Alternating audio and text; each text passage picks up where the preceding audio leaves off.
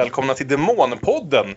Podden där vi tittar oss hela vägen igenom det allra mesta av Ingmar Bergmans filmografi under år 2019. Den här veckan fortsätter vi med 1957, det där året då Bergman gjorde så himla mycket att han fick en hel dokumentär gjord om det. Och vi är framme vid Smultronstället, också en av de mer välkända av alla dessa filmer vi kommer att se. Eh, med mig som alltid har jag Björn Waller. Hej! Och Aron Eriksson. Hej! Ja, vi har ju för första gången också eh, fått in ett röstmeddelande här till podden. Vi har ju en gång tidigare lyckats med konststycket att få ett e-mail skickat till oss. Och nu den här veckan efter eh, vårt avsnitt om det sjunde inseglet så har vi fått ett voicemail eh, från en tidigare gäst och kär bekant till podden, nämligen min syster Ellen som ni kunde höra på avsnitten om kvinnodröm och Sommarnattens leende. Så vi lyssnar på det här meddelandet från Ellen och ser om vi har några svar att komma med efter det. Hej grabbar, det är Ellen. Eh, tack för sist. Eh, och tack för ännu en eh, briljant, eh, ett, ett briljant avsnitt av er underbara podcast. Eh, jag tänkte lite på vissa grejer. Eh, dels, jag kanske inte har, jag har väl ungefär samma kristna bakgrund som min älskade bror, men kanske lite mer erfarenhet av den kristna tron och eh, har varit väldigt aktiv i kyrkan och så vidare. Och även där så, precis som ni nämner, så eh, är ju döden alltså en separat entitet från Gud och djävulen. Eh, han lever ju separat ihop med sina fyra ryttare och så vidare. Han, han är helt eh, självstående från allt det som kanske gäller eh, den kristna tron så, så att säga. Eh, sen vill jag också påpeka hur underhållande det än var med era dubbelbullar och så vidare så tycker jag att det är väldigt konstigt att ingen av er eh, med tanke på Björns dubbelbull skrek The Beast! No, not the Beast! Eh, och även väldigt konstigt att ingen av er eh, nämnde The Last Action Hero med Arnold Schwarzenegger. Eh, där faktiskt eh, döden i denna film kliver ur eh, filmduken och börjar mörda folk på riktigt. Ni nämnde ju det att kanske att döden inte faktiskt själv mördar människor. Men ihop med Arnold Schwarzenegger så verkar han ju faktiskt göra så. Tack återigen, uh, ivrig lyssnare här och äh, kommer fortsätta lyssna. Hoppas ni gör många äh, längre avsnitt i fortsättningen och att vi får se och höra mer av min älskade Fredrik Adolfsson. Tack, tack. Puss, puss. Ja, tack för det syrran. Eh, kul nytt sätt att få in lite respons på våra tidigare avsnitt. Ja, vi kan väl säga så här att det är kul att höra att Ellen uppskattade vårt längre avsnitt. Eh, jag tror jag inte bara talar för mig själv när jag känner så här att vi nog var lite oroade över att det snarare höll på att bli på tok för långt. Vi hade suttit och pratat i en stund över två timmar om det sjunde inseglet när det drog mot slutet av avsnittet. Så det, vi hann inte riktigt med allt det där att gå igenom alla de många referenser som finns i den filmen genom filmhistorien. Bland annat då i The Last Action Hero en annan mm. användning av just den här Bergmans klassiska döden-figur finns ju även i Bill and Ted's Excellent Adventure. Jo, och, och det, det, finns också en, en av mina... Nej, en av mina favoritreferenser är ju i en av mina favoritromaner som är Thomas Pynchons Gravity's Rainbow där de vid något tillfälle nämner att de ska anordna en filmfestival om döden som heter The Bengt Ekeroth Festival. som sagt, Last Action Hero är jag så glad att Ellen tog upp där för det är ju en grymt underskattad film och mm. eh, att vi då får se Sir Ian McKellen spela Bengt Ekeroth där är ju, ja. Ja. Inte, inte så tokigt bara det heller. Som sagt, det hade varit kul att hinna sitta och grotta ner sig lite mer i alla de många referenserna och så. Men, men vi kände väl att vi hade dragit över tiden lite grann som det, som det var. Sen så tycker jag att det blev ett väldigt lyckat avsnitt i slutändan. Tack för det mejlet, eh, eller vad det nu är, voice-mailet Ellen. Eh, hoppas vi får ha dig tillbaka som gäst i podden snart. Men innan vi börjar vår diskussion om smultronstället så har Aron återigen varit flitig när det kommer till filmtittandet och sett en massa av de här, vad ska vi säga, Bergman-relaterade filmerna som vi inte riktigt har tid och ork att sätta oss ner och titta på allesammans. Men eh, Aron, han har mer tid och mer ork med Bergman än någon annan jag känner. Så Aron, vad har du sett utöver Smultronstället den här veckan? Ja, det är tre stycken titlar vi ska bocka för lite kvickt här. Först så har vi filmen Sista paret ut 1956. Regi Alf Sjöberg som ju gjorde Hets back in the days. Och det är också något av en påminnelse om varifrån vi kommer. För vi är nu inne i Bergmans riktiga, vad heter kapitlet? Magikern? Ja. Så här minns vi hans lärlingsperiod. För vi har då en känslosam ung man som går på för glatta livet. Och han spelas av Björn Bjälvenstam som, som vi har sett de senaste veckorna och kommer att se i Smultronstället också. Inte den mest karismatiska av unga män, men, men det får vi ta. Annars är det dock eh, extremt stjärnspäckat. Och storyn är denna unga man, hans mamma, spelad av Eva Dahlbeck, ska skilja sig från pappan för hon har blivit ihop med Jarl Kulle. Och själv så och är han vem ihop... kan förebrå henne det? Ja, herregud. Tiger.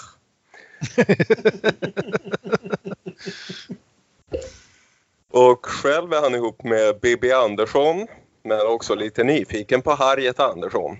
Och vem kan förebrå honom det? We've all been there. Och den är skriven av Ingmar, antar jag? Den är skriven av Ingmar. Och Ja. vad jag förstår är det ett ganska gammalt manus, eh, någonstans 1950. Mm. Som dammades av när eh, de behövde någonting för Alf Sjöberg att hålla sig sysselsatt med. Och det är verkligen en påminnelse om eh, de här filmerna vi såg typ i februari. En evighet sedan. Men eh, samtidigt känns det som att entusiasmen har lite gått ur den stilen. Så det blir ett ganska halvhjärtat melodrama som inte riktigt träffar rätt. Den är lite off helt enkelt. Bibi Andersson är brunett och Harriet Andersson är blond. Så det, det, det stämmer inte riktigt. Några vassa replikskiften men, men bara för den som vill se allt. Så, så gick det alltså till i filmer före du-reformen. När man inte kunde säga Bibi och Harriet till skådespelarna utan någon sa bara den här peruken ska Andersson ha. Anderssonskans peruk. Vi kan väl säga det lite i förbifarten, men vår plan är väl att på slutet av det här året, för att knyta ihop säcken så att säga, lär vi väl ha ett avslutande avsnitt med lite olika typer av topplistor. Våra fem favoriter, våra fem absoluta bottennapp, våra fem skådespelarinsatser eller något sånt. Aron, du måste nog till det sätta ihop en med de fem bästa av de här filmerna vi inte har pratat om så ingående. För att se vilka du i sl- du i slutändan faktiskt rekommenderar att folk ger sig på. Om du känner att 45 filmer är fem för få. Precis. Härnäst, Nattens ljus 1957. Bergman hjälpte sin gamla kompis Lars-Erik Källgren med att skriva manus. Och det handlar om en tösabit, 16 år, spelad av Marianne Bengtsson som kommer till Stockholm från landet och hon är naiv som bara den och börjar genast med att ställa ifrån sig väskorna på perrongen och Lars Ekborg en legist som visar sig ha ett hjärta av guld ska stjäla de där väskorna. Ja, förvecklingar. Det är en komedi i samma stämning som Det regnar på vår kärlek. Denna jättesöta, naiva 16-åriga huvudperson är dock ganska irriterande och jag tyckte inte så mycket om filmen. En höjdpunkt är att Birger Malmsten och eh, Gösta Sedelund spelar två skådespelare. Dekadenta små lymlar som också tycker att det ser gott ut med en 16-årig. Men det är en ganska irriterande film. Så den går vi glatt vidare från. Och Bergman har inte ens någon credit i den. Han, hjälpte utan cred. Mhm, mm. Och sen så var det tv-teater. Och vad jag förstår så filmades då den här teatern live. Den direktsändes. Den här föreställningen inför kamerorna. Och det var Herr Sleman kommer. Manus Hjalmar Bergman. Som Ingmar satte tänderna i. I det här nya spännande tv-mediet. Som han, som med allt han företog sig, skulle bemästra. Den är ganska bra helt enkelt. Det, det är den bästa av sakerna vi har sett utöver filmen den här veckan. Eh, den är kanske 50 minuter tror jag. Och eh, i rollerna ser vi bland annat Bibi Andersson, Max von Sydow, Naima Wipstrand. Och det är en ganska rolig och samtidigt sorglig och svartsynt liten pjäs. Man förstår att Ingmar gillade denna Hjalmar.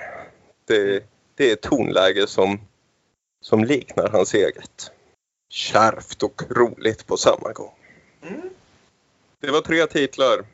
Som sagt, evigt imponerad av att du hinner med att se även de här liksom, lite mer omkringliggande filmerna. Jag tycker det är, det är spännande varje vecka att höra om det. Det man inte själv hinner med. Men med det lagt bakom oss så är det väl kanske dags att sätta tänderna i veckans film. En av, får man väl ändå säga, de stora klassikerna i bland Bergmans filmer. Vi är framme här för att prata om Smultronstället. Och som alltid så börjar jag med att läsa ett synopsis ur regi Bergman. Vi har ju klagat lite de senaste veckorna på att de i stort sett verkar ha gett upp. Och det har ju varit i, framförallt i förhållande till Sommarnattens leende och Det sjunde inseglet som de här synopsisförfattarna mer eller mindre har behövt ge sig an till att säga sen händer det saker och sen försöka sammanfatta slutet på två meningar. Eh, den här veckan är ju en lite mer fokuserad film både i dess handling och i karaktäruppsättningen. Så det kanske har gått något bättre i alla fall. Den åldrade professorn Isak Borg reser med sin svärdotter från Stockholm till Lund för att promoveras till jubeldoktor. Under resans gång möter han personer som får honom att tänka tillbaka på sitt liv. Vilket visar sig vara mindre respektingivande än det ser ut. Borg konfronteras med sin ungdoms arrogans, likgiltighet och själviskhet. Vilket jag ändå någonstans tycker fångar, fångar filmen hyfsat väl. Så väl som kanske går på liksom bara ett par få rader. Mini-applåd till synopsisförfattarna denna vecka för att i alla fall ha fångat filmen de försöker beskriva. Bra jobbat. Mm.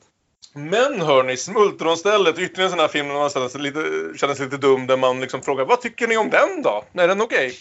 eh, eh, jag vet inte, jag antar som jag precis har antagit förhoppningsvis inte liksom varit lite för framåt men att anta att det inte är någon av oss som ser den för första gången.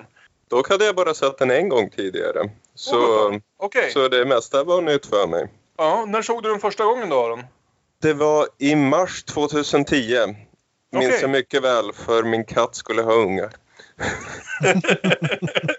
Bergmanvecka på bio här i Uppsala. Och jag kunde inte gå och se Fanny och Alexander på bio för då, då var det väldigt nära kattfödelse. Så. Mhm. Men jag gick måndagen till torsdagen, dock inte fredagen där det var Fanny och Alexander. Så. Nästan spännande då att du ändå hade hållit på vid det laget och sett, sett eh, Bergman-film i vadå 10-12 år och ändå inte riktigt hittat fram till smultronstället. Ja, jag såg Persona för första gången också den veckan. Oj, Ja. där ser man. Bra vecka! Inte illa. Ja, för mig var det här säkert eh, femte gången, om inte sjunde eller åttonde gången jag såg den. Eh, Så jag känner mig ganska välbekant med den, även om det säkert var mer än ett decennium nu. eh, Sedan sist. Men vi, vi börjar väl hos dig. Vad, vad, vad tycker du om den som helhet? Nu när Ja, det är ju en kanonfilm. Mm. Det, det är ju inte mycket att snacka om där. det, det är ett problem när man har podcast. till det. Vad kul att det gick så bra för honom på, på det konstnärliga planet i alla fall. Du då Björn?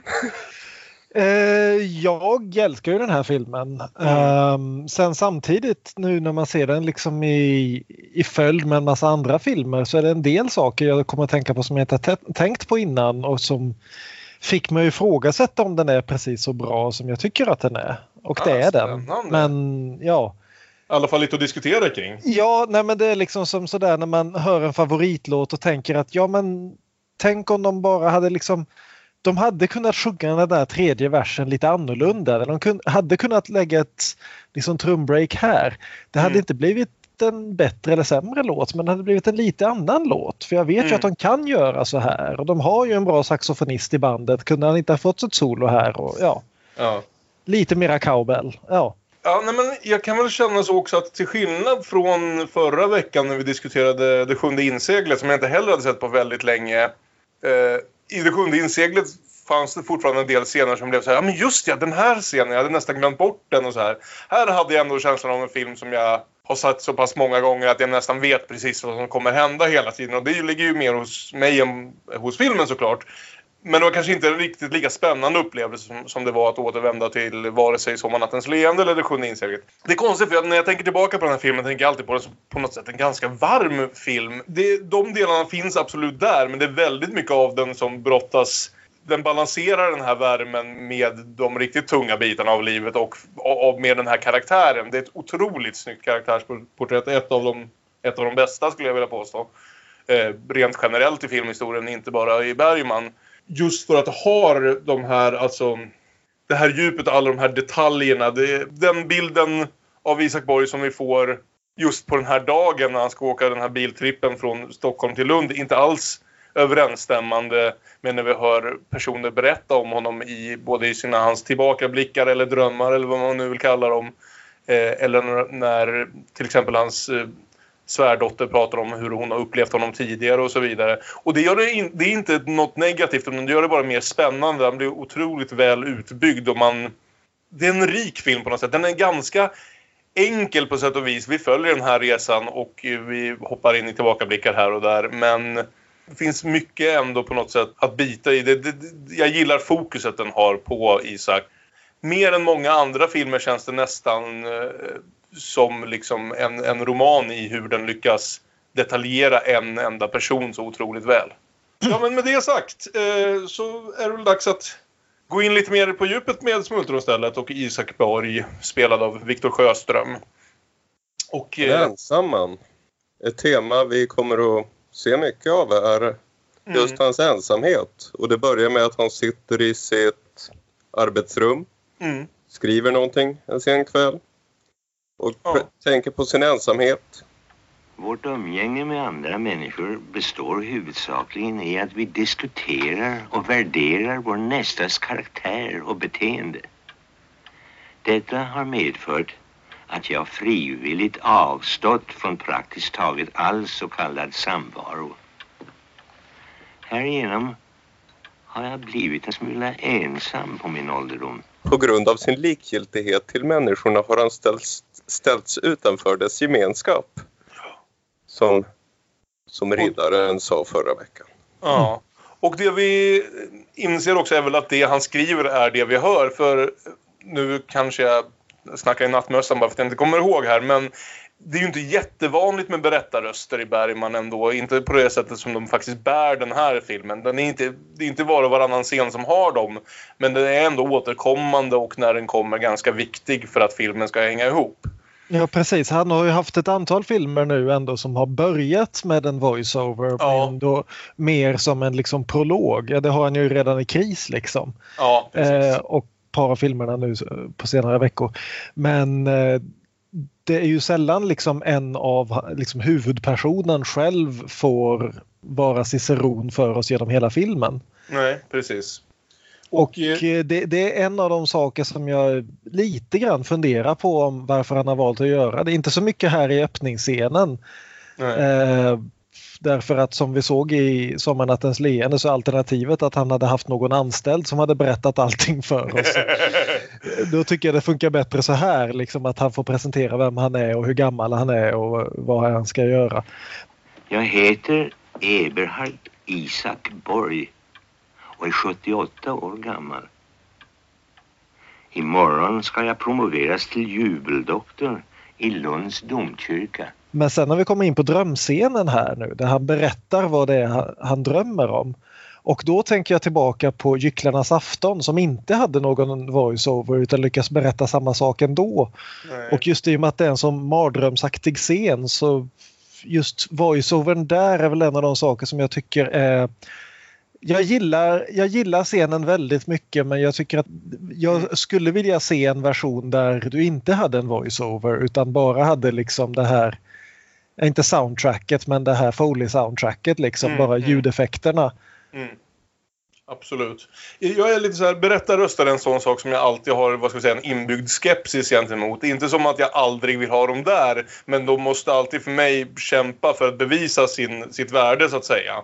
Det tycker jag i slutändan ändå att berättarrösten i den här filmen gör, för den kommer med några faktiska poänger och så. Men just den här första drömsekvensen kanske den känns...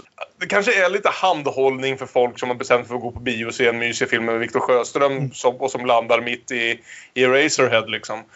Att liksom leda dem in i vad de faktiskt ska, ska se. För det är ju en chockerande öppning ändå med den här sekvensen som ju är bland det mest eh, stämningsskapande och, och liksom förmodligen bland det, det som mest påverkat andra regissörer av det Bergman har gjort. Mm. Det är liksom en scen som när man ser den inser man hur många andra som har sett den och försökt återskapa den i sina egna filmer under de kommande årtiondena.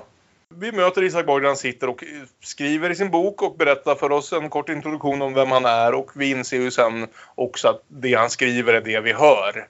Det är inte som att han berättar från något liksom magiskt plan. Men han är det det verkligen? Det är lite tidshopp här. Filmen slutar med att han sätter sig och skriver ner sina minnen av dagen. Och det är de vi får upplästa i berättarrösten. Ja, men då är det alltså inte det han sitter och skriver i början av filmen. Nej, så kan det inte vara. Nej, precis. Men jag menar att ändå att förklaringen av berättarrösten är att han i slutet av den här filmen kommer skriva ner sina minnen av den här dagen.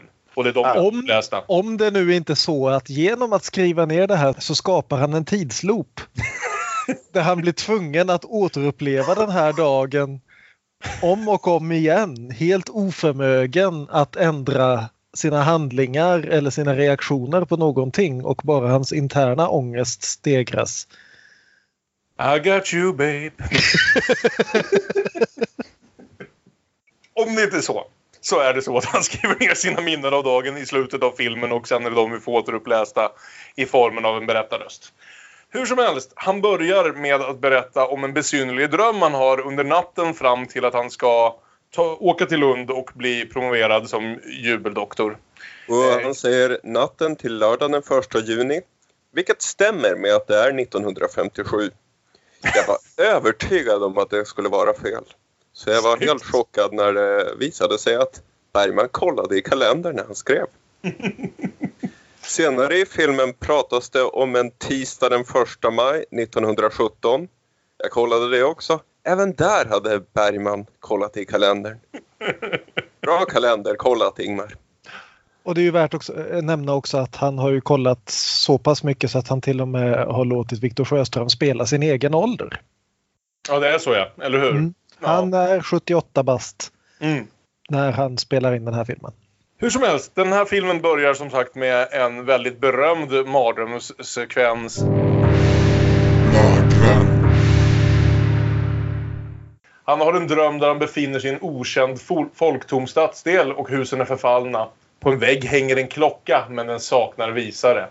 Och vi märker ju direkt här, ska jag säga, innan jag liksom apar av vad som står här, att ljudbilden och även det visuella är ju, som du redan har nämnt Björn, ganska likt vad vi såg i början av Gycklarnas afton i hela det här segmentet Mm. med clownen och hans hustru nakenbadar med, med eh, militärerna. Kontrasten är hårda uppdragen. ljus. Ja, väldigt hårda ljus, ordentlig kontrast. Bortsett då från den här berättarrösten som ändå ligger där kanske för att lite grann vägleda ovana tittare i vad det är vi ser för något egentligen, eller vad det är vi upplever.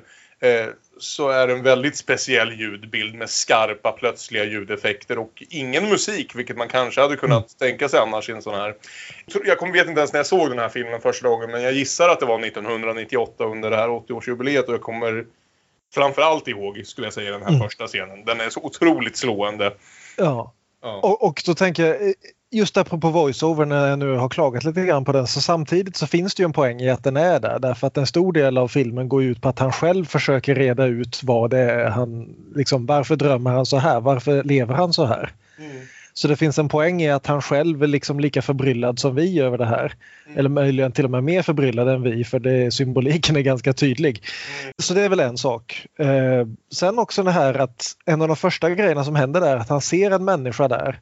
Ser en man och han går fram till honom och mannen vänder sig om och har inget ansikte och sen så ramlar han omkull och smälter.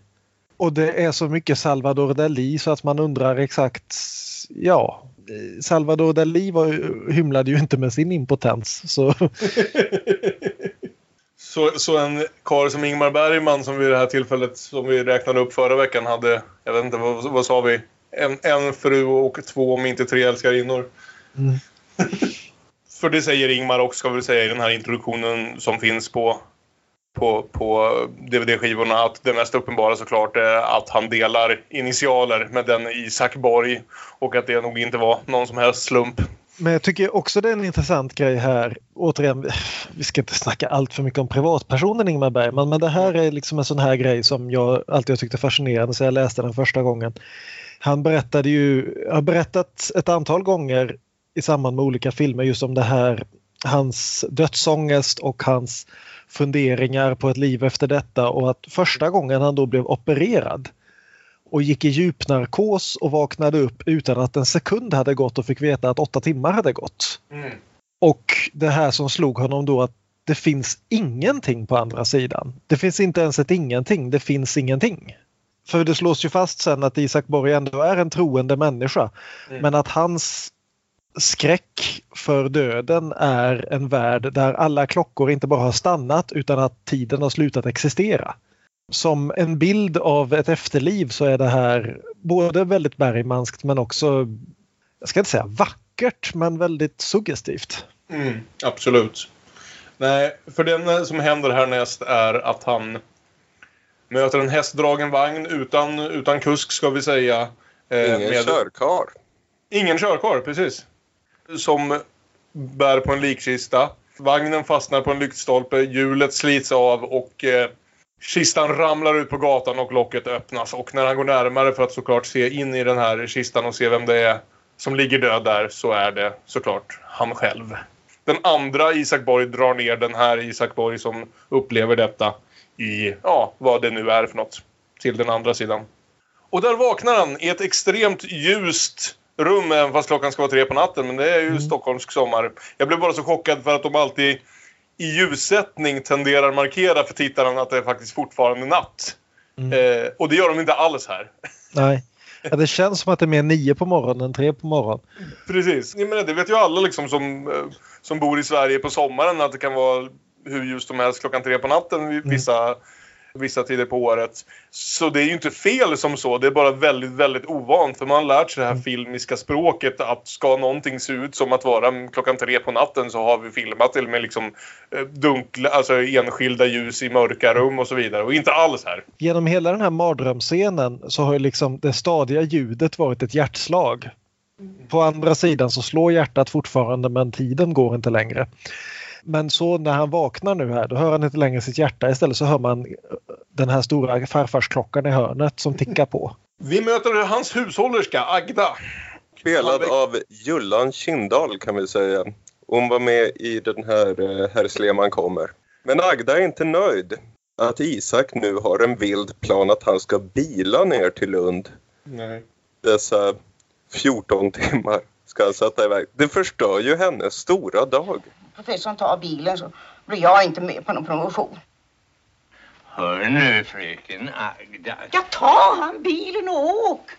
Och förstör den högtidligaste dagen i mitt liv. Vi är inte gifta, fröken Agda. Jag tackar Gud varje kväll att jag inte är gift med professorn.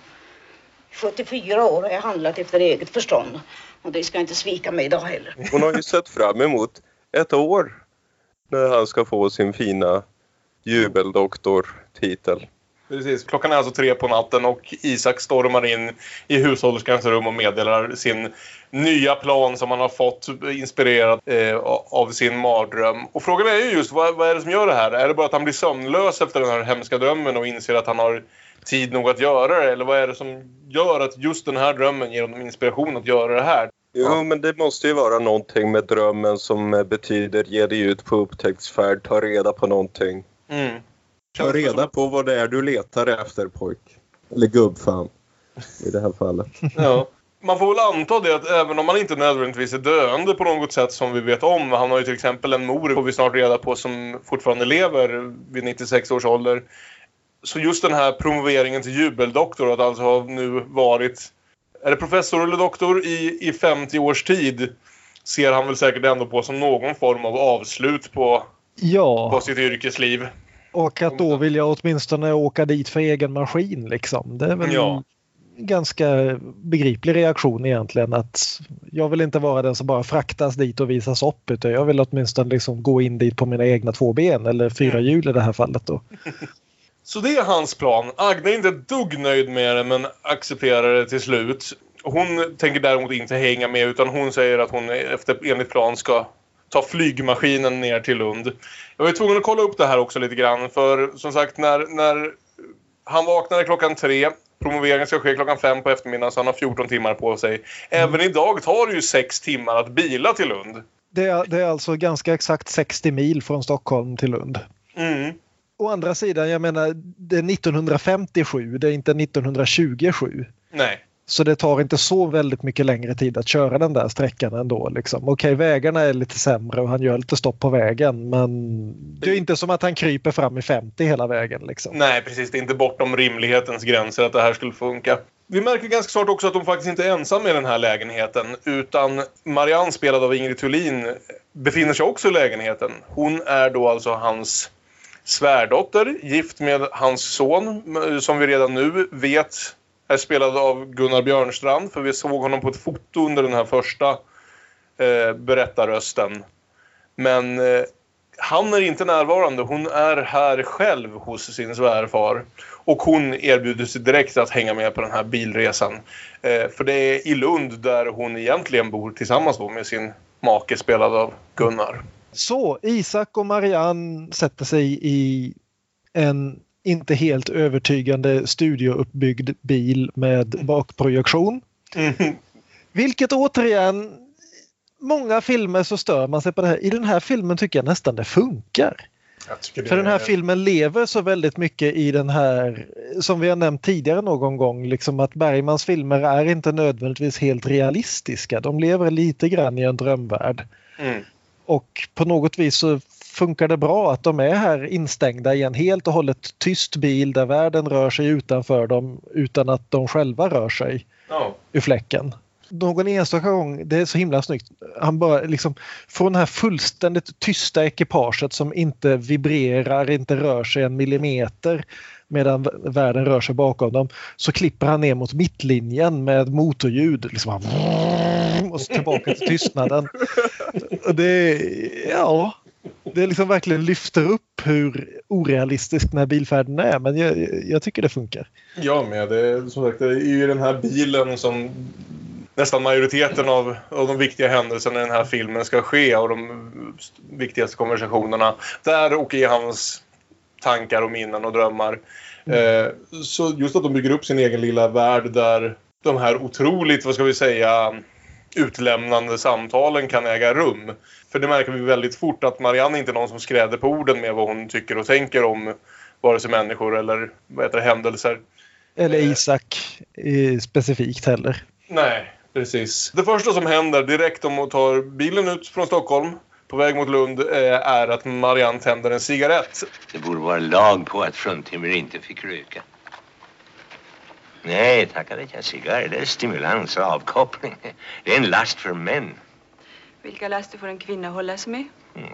Gråta, föda barn, tala illa om sin nästa. Det är väl detta som nästan någonstans startar den här första konversationen där inget kommer lämnas osagt om vad de egentligen tycker och tänker om varandra. Eller framförallt vad Marianne tycker och tänker om Isak och hans förhållande med hennes make, Isaks son. vi lär oss lite direkt att det kan vara en sträng gubbe det här. Och eh, Marianne som sagt skräder inte på orden. Hon berättar vad hon tycker om honom. Vad har du emot mig egentligen? Du är en gammal egoist, farbror Isak. Du är fullkomligt hänsynslös. Du har aldrig lyssnat till någon annan än dig själv. Men du maskerar det bra bakom din gammelmans finess och din vänliga charm. Men du är en benhård egoist. Sen må du tal och skrift utmålas som den store människovännen. Men vi som har sett dig på nära håll, vi vet vem du är. Oss lurar du inte. Också en del tal om att sonen Evald, Marians make, är väldigt lik sin far.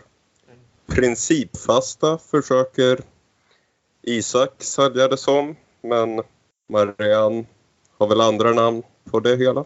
Så Det är inte alltid en bra principfasthet de visar upp, Nej. dessa borgmän. Det finns även ett, vad ska vi säga, halvt outtalat bråk om några pengar som har lånats och ej, och ej betalats tillbaka. Där Isak har lånat ut några tusen kronor till sin son som sen aldrig har återkommit och Marianne tycker väl att en älskande far som inte har några problem med ekonomin själv skulle kunna förlåta det här lånet och eh, vilket skulle göra deras liv lite lättare men det har Isak på grund av sina principer inga som helst planer på. Ja, det nämns också här eh, att eh, Marianne är ganska upprörd. Hon har bott en månad hos Isak. Och eh, hon minns ordagrant vad han först sa när hon kom för att be att få bo hos honom en stund för att hon uppenbarligen har landat i äktenskapliga trångmål med sin make. Så här sa du ordagrant. Jag har ingen respekt för själsliga lidanden, så kom inte till mig och beklaga dig. Men om du behöver lite psykisk onani kan jag ordna en bra själskvackare. Eller kanske en präst. Det är ju så modernt numera. Mm. Och jag tänkte på det också, det är inte första gången, eller det är första gången i den här filmen, men det är inte sista gången som Bergman i negativa termer kommenterar psykoterapi eller psykologer. Så det var ett tema jag plockade upp den här gången, att eh, trots att han skriver en hel bunt med karaktärer som förmodligen skulle behöva hjälp för att må bättre i sitt förhållande till sin mentala hälsa, så har Bergman ingen som helst respekt, eller i alla fall hans karaktärer har ingen som helst respekt för vare sig psykoterapin eller psykologerna. Men det vet vi redan sedan eh, Törst. Vad han tycker om psykiatriker. Men, är vi redo att stanna bilen? Ja, Isak har någonting att visa upp. för de har kommit fram till hans gamla barndoms eh, sommarställe. Där hans familj brukade tillbringa sommarna runt sekelskiftet. Mm. Så han kommer helt enkelt att visa henne Smultronstället. Mm. Med närliggande hus. Eller han, han, han visar inte henne smultronstället. För hon är fullkomligt ointresserad och vill bara gå iväg och bada en stund. Vilket man kan förstå för de har klivit upp klockan tre på morgonen och klockan är väl här kanske halv fem eller någonting sånt. Ja, precis. Herregud, lite morgontoalett ska väl tanten få göra. kommenteras också som en intressant poäng på hennes karaktär att hon är totalt ointresserad av att lyssna när Isak är ganska peppad för att berätta om den här hemska drömmen han har haft som har inspirerat honom till den här färden. Så slår hon direkt ifrån sig det här med att säga att hon är fullkomligt ointresserad av drömmar och jag har inget, inget utbyte och skulle inte ha något utbyte av den här konversationen. Så den här title droppen då med smultronstället det kommer alltså efter att hon har gått sin väg och han bara har sig själv att prata med. Smultronstället. Då sätter han sig ner på marken och hittar det här smultronstället och vi går in i en flashback. Mhm. Men det mest spännande med det här, som jag väl knappast är den första att kommentera i världshistorien, men det är fortfarande väldigt intressant. Det är ju att nästan alla av Isaks tillbakablickar är till saker han sällan själv kan faktiskt ha sett eller upplevt vid tillfället. När det kommenteras ju till och med uttryckligen att Mm. Var är Isak? Nej, Mm. han och pappa är och metar. De är inte här. Så det här är ju inte en tillbakablick till, det, till den graden att han själv går tillbaka till sina minnen och det han faktiskt upplevde. Utan det här är saker han vet måste ha hänt. Men han var inte där för att se det. Det vi lär oss ganska fort är att han hade en ungdomskärlek som heter Sara. Vi går in mer i detalj sen. Som uppenbarligen blev förförd av en av hans äldre bröder. Och det spännande med det då är att Isak måste ha föreställt sig gång på gång framförallt under ungdomen hur det här gick till, hur var det skedde, vad var det som hände. Och det är det vi tar oss tillbaka till. Hans vision av hur det gick till när hans bror stal hans tjej. Precis. Som också är hans kusin ska vi säga, vilket ja. Ja, han heter ju Borg, så liksom borgarfamiljer runt 1900, det var väl lite inavel. Ja. Men eh, då spelas alltså Sara av Bibi Andersson och eh, hans bror, Sigfrid. det är Sigfrid ja, precis. Hans bror Sigfrid spelas av Per Sjöstrand. Som väl tar lite grann här eh, Jarl Kulle-rollen får man väl säga. En charmör. Precis. En Och förförare rent Precis, för Sara vill bara prata om hur snäll Isak är. Men Sigfrid lyssnar inte på sådana fånigheter och helt enkelt kysser henne. Hashtag metoo. Och hon kysser honom tillbaka och sen så tappar hon alla smultron och så utropar hon Vad ska Isak säga? Du har gjort mig till en dålig kvinna. Det var verkligen ingen dålig kyss där.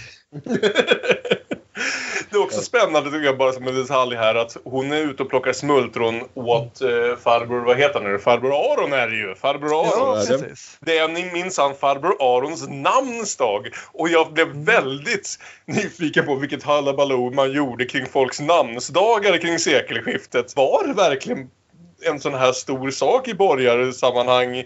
Allting som faktiskt händer stämmer mycket bättre överens med hur man föreställer sig att någons födelsedag firas.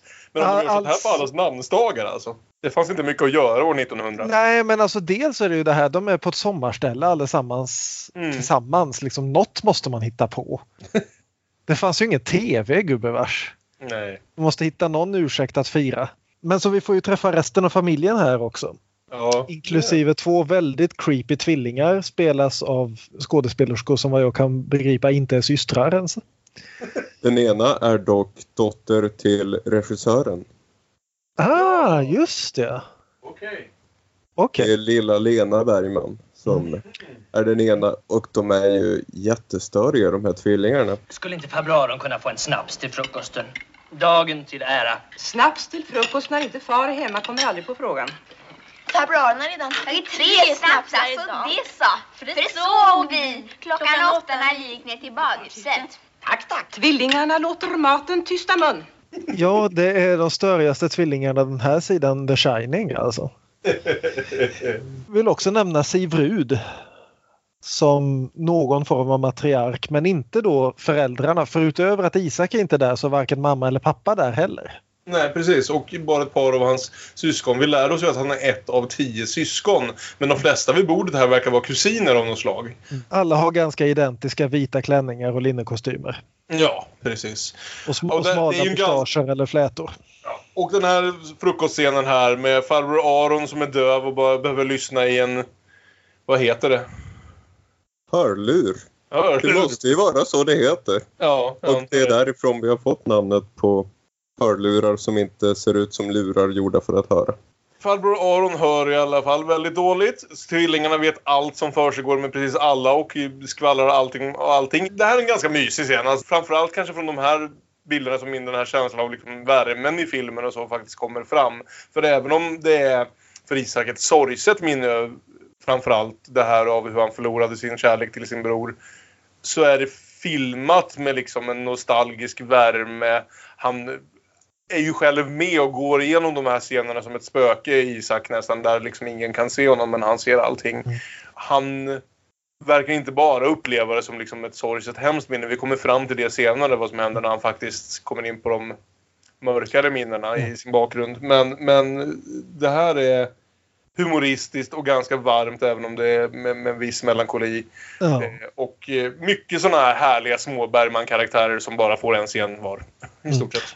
Vi kan ju nämna det här också att i alla flashbacks så spelas ju eh, Isak av Viktor Sjöström, 78 bast. Det finns ingen skådespelare som gör den unge Isak utan som sagt han är, han är inte med i någon av flashbackarna så därför ser vi då den här gamle gamle mannen som vandrar igenom sin ungdomslandskap. Och det är, ja, det är en ganska slående bild. Det tror jag behövs. Jag tror inte den här filmen hade funkat i närheten så bra om vi på Nej. något sätt hade klippt till en ung Isak med en annan skådis som Ja. skulle försöka... Rune Andreasson. Ja. Gud bevara oss. Men det som händer är i alla fall att det diskuteras lite grann här vid bordet om eh, förhållandet mellan Sara, Isak och Sigfrid. Mm. Och Sara blir väldigt upprörd över att alla verkar veta att hon minsann har blivit förförd av Sigfrid. Och springer iväg och är olycklig över att Isak som är så fin som vill att vi ska läsa dikter och tala om livet efter detta och spela fyrhändigt på pianot men Sigfrid är ju en sexbomb å andra sidan.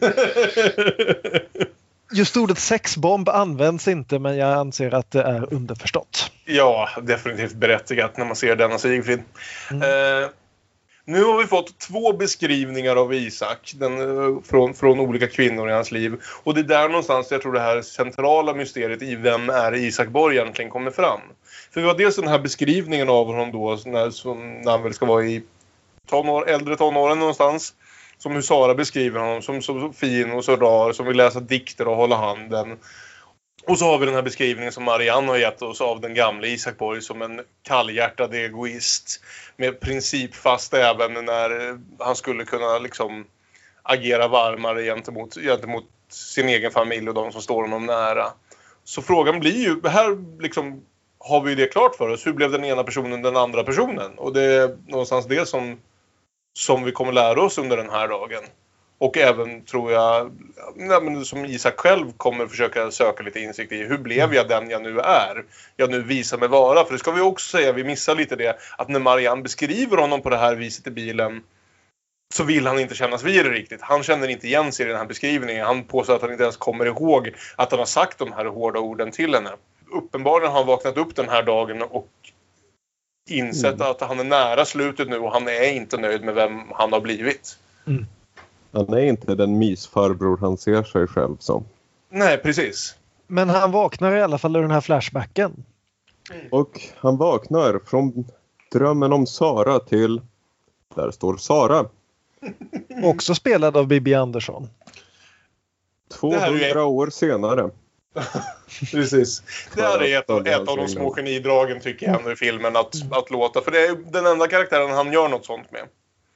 Man hade ju kunnat se en annan version där liksom flera av de här karaktärerna både i filmens nutid och i tillbakablickarna spelades av samma skådespelare. Men just genom att låta de här två karaktärerna och just Bibi som ju är sitt allra mest Bibi Anderssonska. Det är liksom den här rollen ändå jag först går till någonstans, eller de här två rollerna, när jag tänker på Bibi. Ja. Det, det, det säger något om vilken central, hur mycket han påminns om sin Sara från sekelskiftet när han ser den här unga kvinnan som kommer fram till 78-åriga, eh, vad heter det, Isak och ber om att få skjuts så långt hon bara kan få för hon ska till Italien. Är det ditt åk som står där uppe vid grinden? Ja, det är mitt ok. Verkar antikt. Ja, det är antikt också. Liksom ägaren. Nej men du har självironi också. Det är fantastiskt. Vart är du på väg förresten? Jag menar åt vilket håll? Jo, jag ska till Lund. Nej men det passar fantastiskt. Jag är nämligen på väg till Italien. Nej, jag känner mig mycket hedrad. Jag heter Sara. Knasigt namn va? Ja, jag heter Isak. Också ganska knasigt. Det visar sig att hon inte är ensam som ska till Italien heller utan hon har två killkompisar med sig. Mm. Vilket hon inte nämnde först. Men, men, men Isak vill ju vara en mysfarbror så det är inga problem. Vi har gott om plats i bilen. Ja, alltså, de tar det här med väldigt gott mod måste jag säga. Ja. Jag, han är väldigt med på noterna direkt Isak. Inga Mm, problem att släppa in tre, tre tonåringar bak i bilen och låta dem hänga med hela vägen till Lund. Eller tre barn som de genomgående beskrivs som. Men ja, Och de två gossarna är Björn Bjälvenstam och Folke Sundberg. Vi som såg trämålning, jag använder här The Royal We, såg eh, Folke Sundberg i rollen som berättare snedstreck döden. Han var också döden på scen i Bergmans uppsättning av trämålning. Folke Sundqvist faktiskt. Ännu bättre. Mm. Lita aldrig på dina egna anteckningar Aron. Eh, Vilken eh, ung döden det var på scen med andra ord.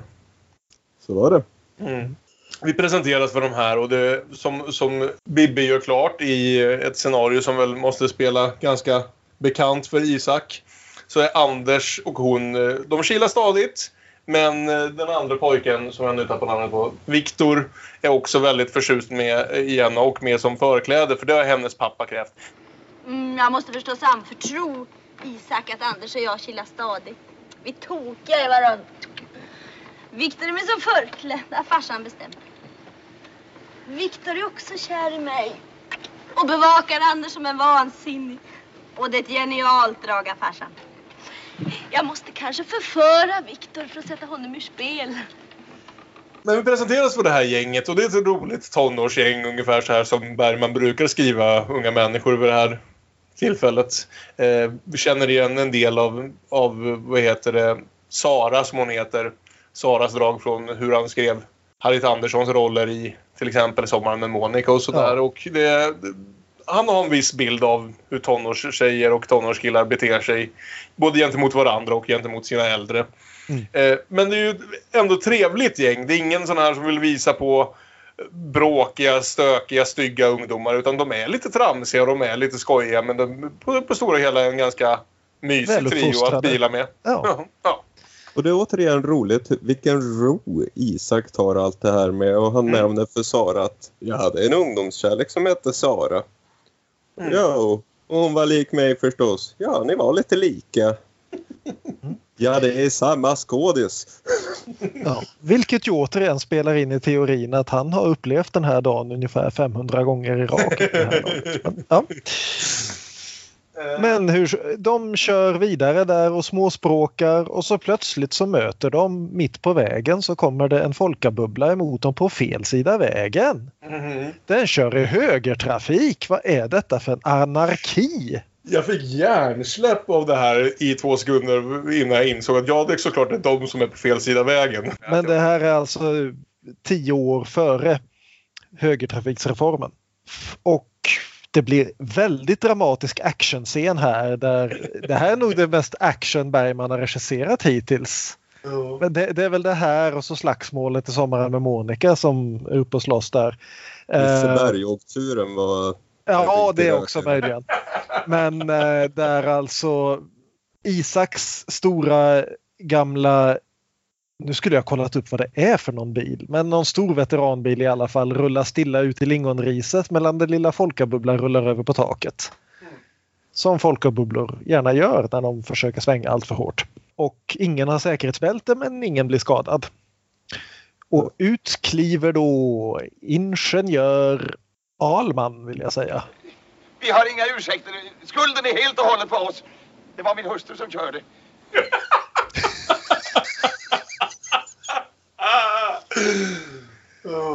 Ja. Och så naturligtvis eftersom den här folkan är fullständigt knyck, ihopknycklad som staniolpapper mm. eh, så får de ju skjuts. De också. Och någonstans här börjar man undra liksom herregud vad är det här för road movie? Liksom, hur många kommer de att plocka på sig ner till Lund? Ja, för nu är bilen väldigt full. Det är en väldigt stor bil ska vi säga till att börja mm. med. Det är nog byggt för att vara en sjusitsare men nu är alla de sju platserna upptagna. Precis. Eh, men det visar sig, visar sig då också att det här är ett typiskt Bergmanskt äkta par. Mm. Som mm. verkligen har köpt det här med att ett delat helvete är bättre än en, ett ensamt helvete. Framförallt ingenjören då är fullkomligt fruktansvärd. Ja. Jag kan aldrig skilja på om min hustru gråter äkta eller om hon gråter teater. Jag tror ta mig fan att det är på riktigt. Ja, så är det att skada döden. Kan du inte hålla käften? Min hustru har en sällsynt förmåga till inlevelse. I två års tid inbillade hon mig att hon hade cancer och trakasserade hela vår omgivning med alla upptänkliga sjukdomssymptom trots att läkarna inte kunde hitta det minsta fel. Hon var så övertygande så vi trodde mer på henne än på läkarna. Det, det är skickligt. Helt vidrig mot sin hustru och gillar att liksom stoltsera med hur vidrig han är framför andra människor just för att skämma ut henne mer. Han tror, att han, han, tror att han är väldigt rolig och kärvänlig när han i själva verket bara är ett svin. Ja, och det går lite åt båda håll men framförallt, framförallt från hans sida. För hon, eh, tidigare när de försöker rulla över bubblan så kommenterar hon... Titta nu noga på ingenjören. Hur han mäter sina krafter med de unga gossarna. Hur han spänner sina slaknade lemmar för att stoltsera inför den söta flickan. Men det är ändå eh, inte, inte jämsidigt på något sätt utan eh, han beter sig för jävligt och ingen i bilen uppskattar det även om han på något sätt verkar lurat sig att tro att det här som sagt är någon slags charmig jargong som skulle kunna kunna få Ja. ögonen på hans sida. Så det slutar i alla fall med att de kastar helt enkelt ut dem på vägkanten. Mm. Därför att Får ta ingen av... tåget istället. Ja, precis. Att gräla på tåg är någonting man kan göra. Det vet vi ju Jag tänker ju lite på de här törstgrälarna. Absolut. Detta är Eva Henning och Birger ett antal år senare. De fortsätter gräla. Jag slog förresten precis upp det i, på The Internet Movie Cars Database. Bilen som Isak kör är alltså en 1937ans Packard. Ja, inte så antik som han framställer den. Tillräckligt antik för att den i jämförelse med alla andra bilar vi ser, Folkabubblor och Volvo PV och så vidare, så är den tydlig från en, annan, en helt annan eh, era. Och sen nu ska vi se om jag får det i fel ordning. Först handlar det om och ska tanka va? Tanka med Max. De har kommit till Gränna och här är väl, eh, för att vara en road movie så bortsett från Stockholm i början och Lund i slutet så är det väl endast eh, tillfället de faktiskt stannar vid punkter som var och varannan resenär i Sverige förmodligen har sett med egna ögon. Ja, alldeles innan det så ser man ju faktiskt när de kommer ut på den här liksom klassiska sträckan längs Vättern där. Precis. Som än idag är en av de vackraste vägar i hela Sverige. Ja, Eh. en enda roliga sträckan på nästan hela E4 skulle jag vilja påstå. Ja. Och de, vad heter det, stannar vid Gränna. De Mm. möter Max. Inte bara så känner då eh, Max eh, Max, jag insåg precis det, att han är mackägaren Max. så Max på macken inte bara känner igen Isak Borg utan är också fullkomligt liksom handen i mössan överlycklig att träffa honom. Här ser du doktor Borg i egen hög person. Han som morsan och farsan och hela bygden fortfarande snackar om. Är Världens bästa doktor. Och doktorn, kommer doktorn här? Åh doktorn, vi är så tacksamma. Det är så skönt att se doktorn. I Och- Gränna är Isak en hjälte. Precis, han är en superhjälte i Gränna. Ja. Du, du får inte betala för bensinen. Även vi här i Precis. Gränna kan vara lite spanska, franska, whatever. Spanska. Kontinentala. Ja, och... Eh, Vissa saker kan man inte tacka för med pengar. Och. Väldigt Denna bild av Isak som Isak inte heller känns vid. Nej, precis. Och det verkar som att han har gjort någon, gjort någon väldigt stor tjänst för Max. Mm. Oklart vad, men han är ju läkare så Han, man får han väl frågar också om hans pappa, så jag tänker direkt att det är relaterat till det någonstans. Om hans pappa, Ja. Max pappa har varit väldigt sjuk tidigare eller något dylikt. För nu är han lite risig igen som man Ja, säger. eller om Max själv har varit väldigt sjuk som liten Ja. eller någonting. Det, Han har ju ändå varit läkare i 50 bast och så gammal är ju inte Max här. Men han säger i alla fall det här ganska intressant att Jag borde kanske ha stannat här. Det förstår jag inte. Va? Vad sa Henrik?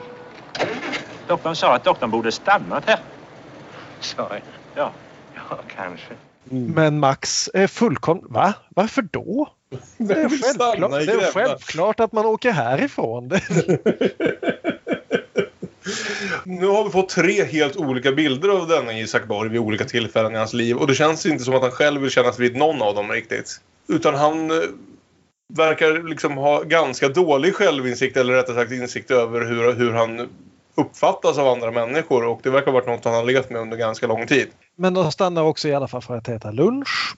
Gyllene Eh, Uttern, där var och varannan precis. människa som åker längs med E4 har stannat och käkat lunch någon gång. Skulle jag Fast tro. jag tror inte Gyllene Uttern har utskänkningstillstånd i år. Eller Det nu för, tiden ska man säga. Nej. För det här dricker de både portvin och vin till maten. Innan de ska köra vidare. Och vi får även eh, typ, typiskt sådär trick som man har sett i hur många filmer som helst. När vi klipper in på att Isak avslutar en historia som, där vi inte får höra tillräckligt mycket för att fatta vad själva skämtet är. Men sista raden är i alla fall. Men då sa jag till kärringen, det är väl ändå jag som är provinsialläkare, sa jag. Var på alla skrattar högljutt. Mm. Och berättarrösten berättar att mina historier funkade riktigt fint. Men hur som helst så visar det sig nu medan de sitter där och njuter och Isak faktiskt får tycka om att vara, ja, vara en medmänniska helt enkelt. så råkar ju Anders och Viktor i ett av de Bergmanskaste gräl man kan tänka sig, nämligen om huruvida Gud finns. För övrigt fattar jag inte hur en modern människa kan bli press. Anders är ju inte helkorkad. Ska säga dig att din rationalism är ett obegripligt andligt snusförnuft för du är inte idiot va? Jag anser att den moderna människan... Och jag anser att den moderna människan... Jag anser att den moderna människan ser sin meningslöshet i vitögat, tror på sig själv och sin biologiska död. Allt annat är nonsens. Jag anser att den moderna människan bara existerar i din fantasi. För människan ser på sin död med skräck och står inte ut med meningslösheten. Det här är alltså sjunde inseglet summerat på 20 sekunder. Precis. Och när de sen frågar Isak vad han tycker, vilket ju också är fint för uppenbarligen så känns det som att de lite, lite grann vill veta ändå. Mm. Vad den här gamla gubben tycker och han mycket riktigt konstaterar att ni skulle ändå bara liksom vara ironiska vad jag än säger och så reciterar han en psalm. Mm. Tillsammans med Marianne ska jag säga, för det här är väl ett av de första ögonblick där vi ser att det börjar tina upp lite grann mellan de två också. Det är en fin scen och det, mm. den här problematiken hur nu Bergman tittar på den med lite, ah, den ungdomen kommer att ha det här bråket gång på gång igen och igen. Tittar på den. Lite förlåtande men samtidigt ja. uppfylld av den på ett annat sätt. Ja. Men det finns ju ett annat skäl också till att de har stannat just i Gränna nämligen, och att Max känner igen honom. Det är ju för att hans mor bor ju där. Så vi ska snabbt springa förbi henne också på vägen ner till Lund. Mm. För han hälsar bara på sin mor en gång om året och då gör han det alltså tydligen i typ 10 minuter. det är till och med Evald som brukar hälsa på en gång om året. Det vill säga mm. Gunnar Björnstrand. Aha, det är så... nog länge sedan Viktor var där. Hans mor spelas då av Naima Wivstrand. Eh, som vi har sett i ett antal filmer nu som vid mm. inspelningstillfället är 67 år gammal. Det vill säga 11 år yngre än den som spelar hennes son. Och 30 år yngre än eh, vad hon faktiskt ska spela. Jo, men det här var ju på den tiden när filmskådespelare blev gamla vid 50 års ålder och sen förblev gamla tills de dog. Ja, precis. Ja, inte, inte bara filmskådisar liksom, utan människor överhuvudtaget. Mm, mm. Men Naima Wifstrand ser ju ut att vara hundra. Hon har ju gjort den här extremt gamla tanten ganska I många gånger I tio års tid redan med det här laget känns det Vad var den här med bröderna? Kvinnors väntan. Så hon var bra på att spela jättegammal. Det finns en så här fråga här som aldrig riktigt besvaras i den här scenen. För han kommer in och möter sin mamma. Man märker att det, liksom, det var länge sedan de såg att det finns någon form av kärvänlighet eller så här. Men det är inte, det är inte den roligaste tanten att vara i ett rum med. Det finns framförallt ett ögonblick som får mig att ställa frågan om hur, hur klar hon faktiskt är. Eller hur långt gången hon är inne i. Om det är demens eller något annat. För hon ställer frågan när hon ser Marianne som ju är med på det här besöket. Ställer hon frågan, är det din hustru som står där borta? Och vi vet ju redan vid det här laget att Isaks hustru, och det har vi inte ens nämnt faktiskt mm. tror jag i det här avsnittet, har varit död i 30 års tid. Eh, vilket ju antyder att även fast hon verkar väldigt klar under de största delarna av den här scenen när hon återberättar minnen och, och annat så är hon förmodligen inte det.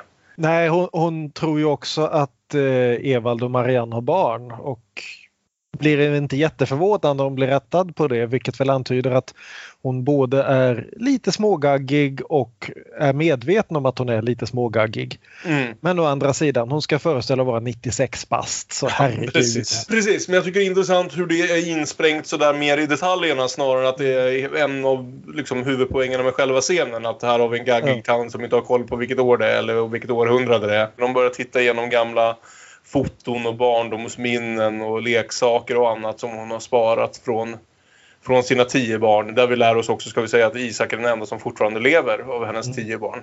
Som hon diskuterar saker då så är, är hon ju väldigt liksom klarsynt och i hur hon även kommenterar liksom sitt, sitt liv och sina barns liv. Ingen besöker mig utom Evel en gång om året. Ja, jag beklagar mig inte. Det är inte så jag menar. 15 barnbarnsbarn som jag aldrig har sett. Jag sänder brev och presenter till 53 bemärkelsedagar om året. Får vänliga tackbrev.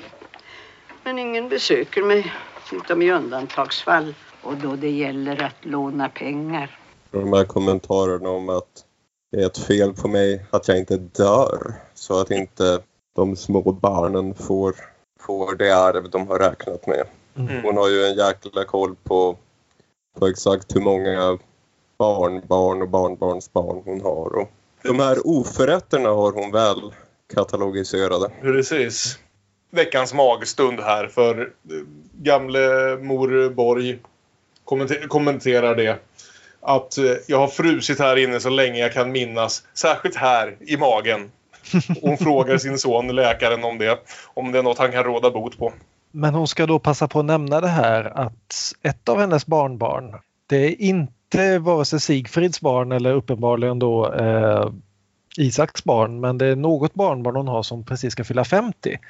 Det är då eh, den ungen som vi i Flashbacken såg skymta förbi i en vagga.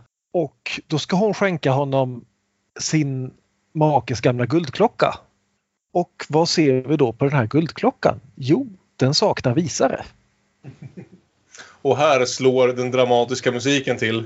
Precis. Ganska hårt för att påminna oss om vart vi har sett den här bilden förut. Och Isak får väldigt bråttom därifrån. Mm.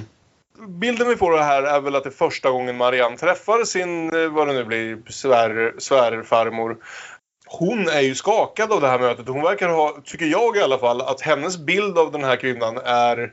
Jag säger inte att hon verkar sådär väldans varm och kärvänlig, men hon kommer därifrån med en ohygglig bild av vem hon är. Hon är inte alls, trivs inte alls med att vara ens i samma rum som henne. Eh, jag, tycker inte, jag tycker det går lite stick i stäv med hur hon faktiskt presenteras i scenen. Jag vet inte om det är bara jag som känner så. Nej, jag håller nästan med. Alltså, det är, hon verkar väl inte vara världens liksom varmaste människa men det, det, den, den tolkning jag gör det är väl att för just den här kylan hon har beskrivit från Isak Mm. den går igen där lite grann. Mm.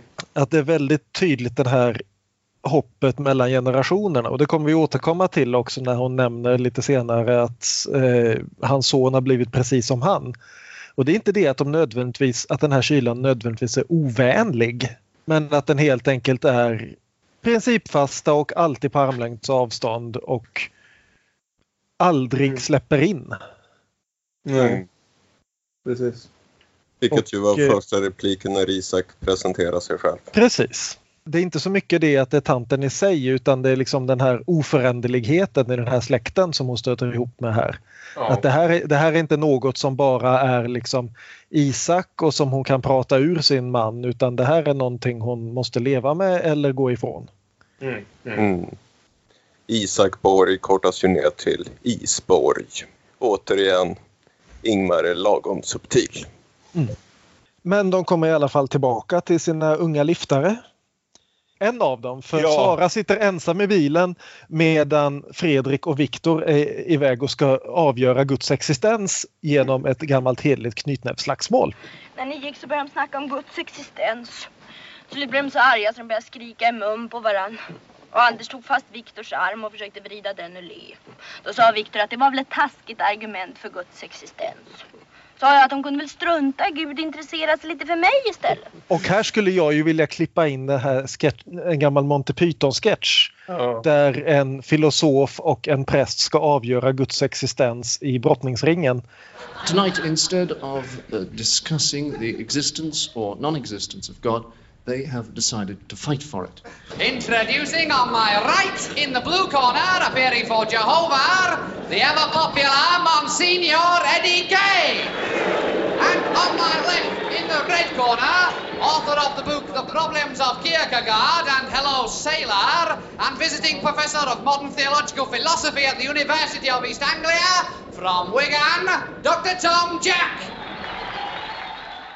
God's existence to be determined by one fall or one knockout eller hur det nu är. Och Sara får in sista klämmen där med när de kommer in sura som fan utan att verka ha löst någonting av det här med Nå, fanns Gud? Ingen av dem svarar men däremot så kommer det en åskknall. det, det jag tänkte på här det, det är ju den här slutscenen i fängelse. Ja. Med liksom frågan, där frågan om Gud finns besvaras med att tron finns. Mm.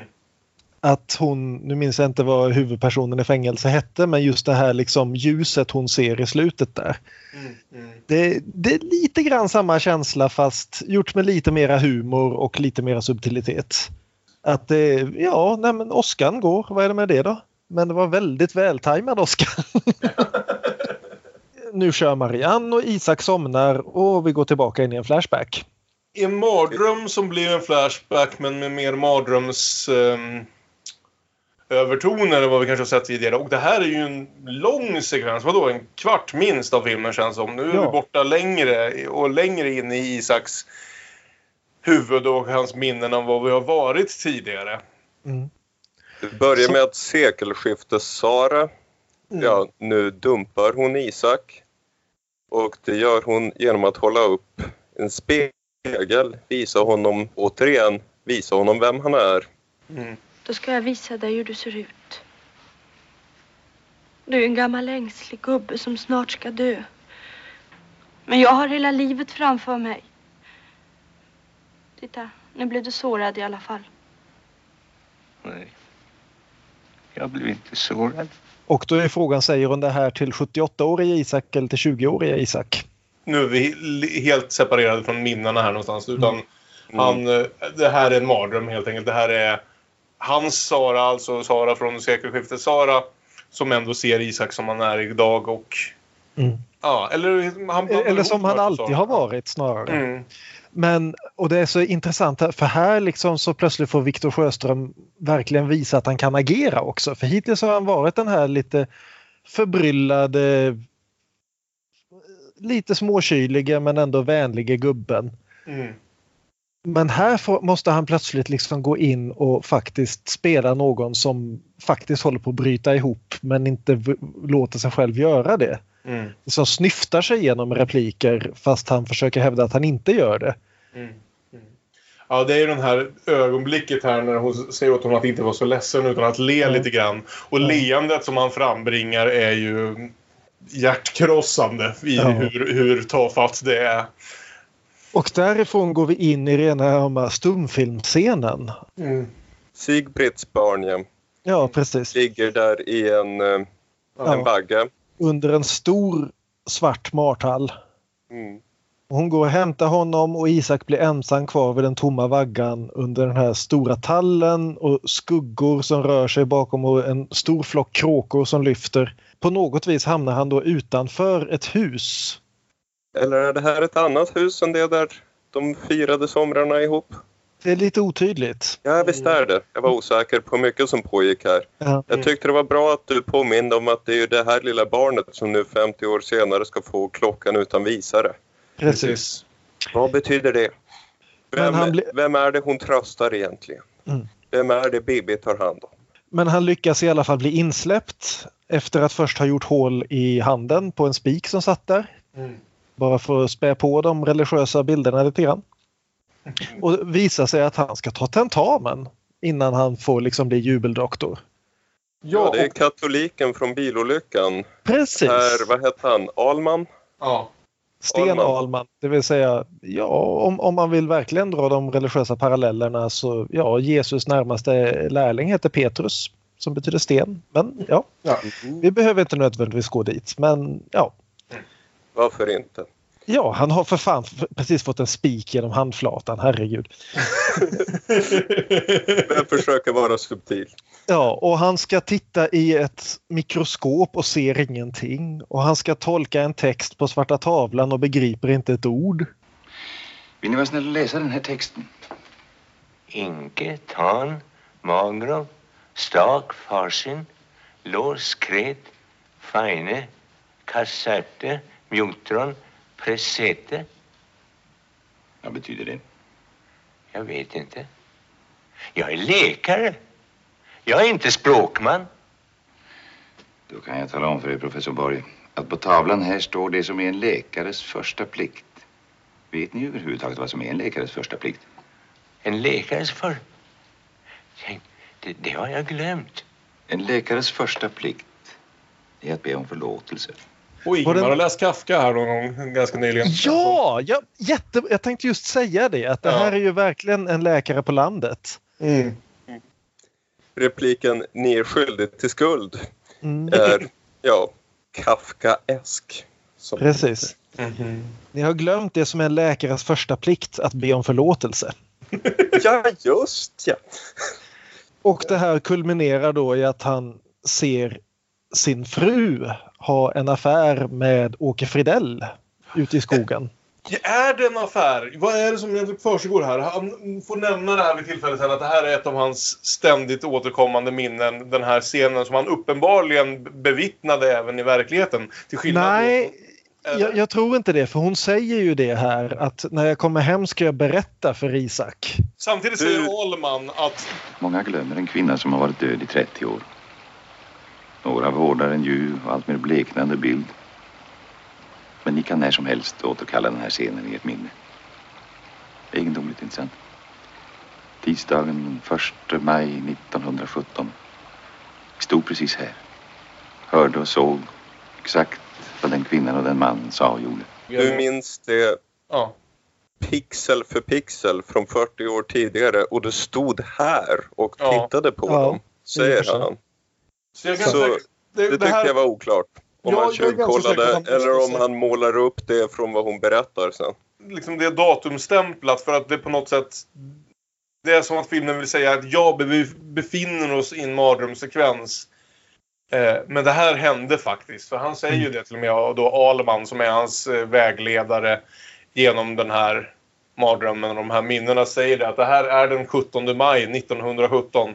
Vi måste liksom lägga lite pussel här med vad det är som har hänt. För, för det har ju antytts en del tidigare i filmen i en replik här och en replik där om vad som egentligen försiggick mellan Isak och hans eh, bortgångne hustru som ju har varit död i mer än 30 år. Eh, hans mor antyder ju väldigt tydligt att hon inte vill veta av henne även om Mm. hon har varit död väldigt länge och så vidare.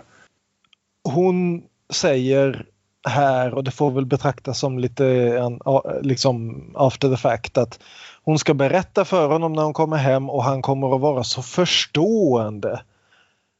Och han kommer, han kommer inte att bli arg eller någonting men det, det tolkas inte som att han är förlåtande utan att det tolkas, han bryr sig inte. Nej, precis. Det går ju tillbaka till den här det första en läkare ska kunna att be om ursäkt och det är det han inte kan. Hans skuld är att han inte kan förlåta eftersom han från första början inte bryr sig. Mm. Och det straff han får för detta är ensamheten. Men samtidigt är han ju alldeles uppenbart inte oberörd av det. För han har, som, om vi nu ska tro på det Ahlman säger, så har han återkommit till det här minnet. Han stod här och observerade det här ända sedan dess. Han är fast i det här traumatiska minnet. Vilket ju är den direkta motsatsen till att han skulle vara oberörd av det. Är det som sårar honom inte nödvändigtvis otroheten utan är det liksom den här bilden hon ger av hans karaktär? Är det det som är den faktiska knäcken? Är det första gången han tänker på sig själv som beskriven så? För nu har vi ytterligare en. En- ytterligare en, en kvinna som beskriver honom på ett sätt som han inte själv vill kännas vid. Ja. Så måste det vara. Vi Mm. spikar det. Och vi ska säga det också att uh, hustrun här som ju bara har en scen bortsett från att dyka upp på lite foton här och där spelas av Gertrud Frid som vi sett tio år tidigare i Skepp till Indialand. Som Sally. Som Sally. Eh, och det var kul att se henne igen. Jag tyckte hon var riktigt bra här igen. Jag tror inte hon har varit med i någon av filmerna däremellan. I alla fall inte i någon större roll. Jag tror hon kommer att vara med igen. Det... Och vi håller ögonen öppna. Ja. Ja, men så Isak vaknar till slut ändå i bilen. Mm. Som så smått börjar närma sig Skåne. Mm. Och pratar med Marianne mycket öppenhjärtligare än förut. Just om det här, vad det är han drömmer om. Kan du tänka dig de sista månaderna har jag haft de besynnerligaste drömmar. Det är rent av komiskt. Vad är det som är komiskt? Det är, det är som jag skulle vilja säga mig själv någonting som jag inte vill höra när jag är vaken. Och vad skulle det vara? Att jag är död. Fast jag lever. Det, det, det är en uppenbar replik men det är stort att han säger det. Det slår an hos henne väldigt hårt. Ja. För då går vi in, då äntligen kan hon berätta vad som hände mellan henne och hans son. Ja, Evald, spelad av